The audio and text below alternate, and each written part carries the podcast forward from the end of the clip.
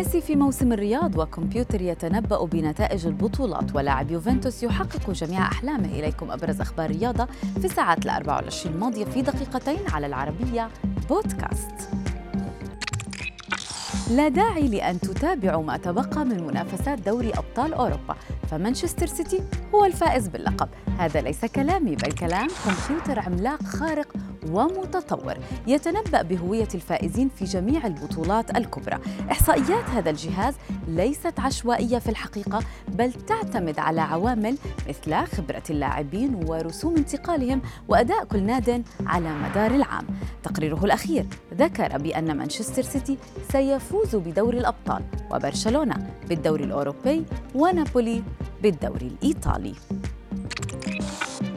يبدو أنها سنة تحقيق الأحلام للاعب الإيطالي مانويل لوكاتيلي. فتخيلوا خلال أربعة أشهر فاز ببطولة أمم أوروبا مع منتخب إيطاليا. ثم انتقل إلى نادي يوفنتوس وسجل معه هدف الفوز على تورينو في المباراة الأخيرة. وبالأمس أعلن خطبته من حبيبة عمره. أليست أربعة أشهر من العسل؟ بعد هدفه الثاني الرائع في شباك مانشستر سيتي تلقى النجم المصري محمد صلاح إشادة كبيرة عبر وسائل التواصل الاجتماعي. نادي ليفربول كتب تعليقا للاحتفاء بلاعبه. مو صلاح لا يصدق على الإطلاق في كرة القدم. ليرد أسطورة كرة السلة لبرون جيمس يس هي إز نعم وكذلك. نجح نجم الفنون القتالية حبيب محمدوف في إخراج نفسه من مأزق بطريقة ذكية.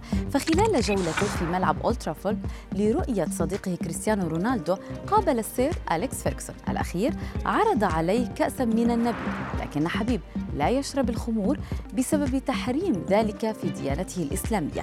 ليهرب من الأمر بطريقة ذكية إذ قال للسير بأنه إذا شرب سيحطم الجميع بمن فيهم بولت وإفرا اللذان كانا يقفان بجانبه أثناء الحوار مازحا بالطبع ميسي في موسم الرياض. النجم الأرجنتيني ليونيل ميسي. ظهر في الإعلان الترويجي لموسم الرياض.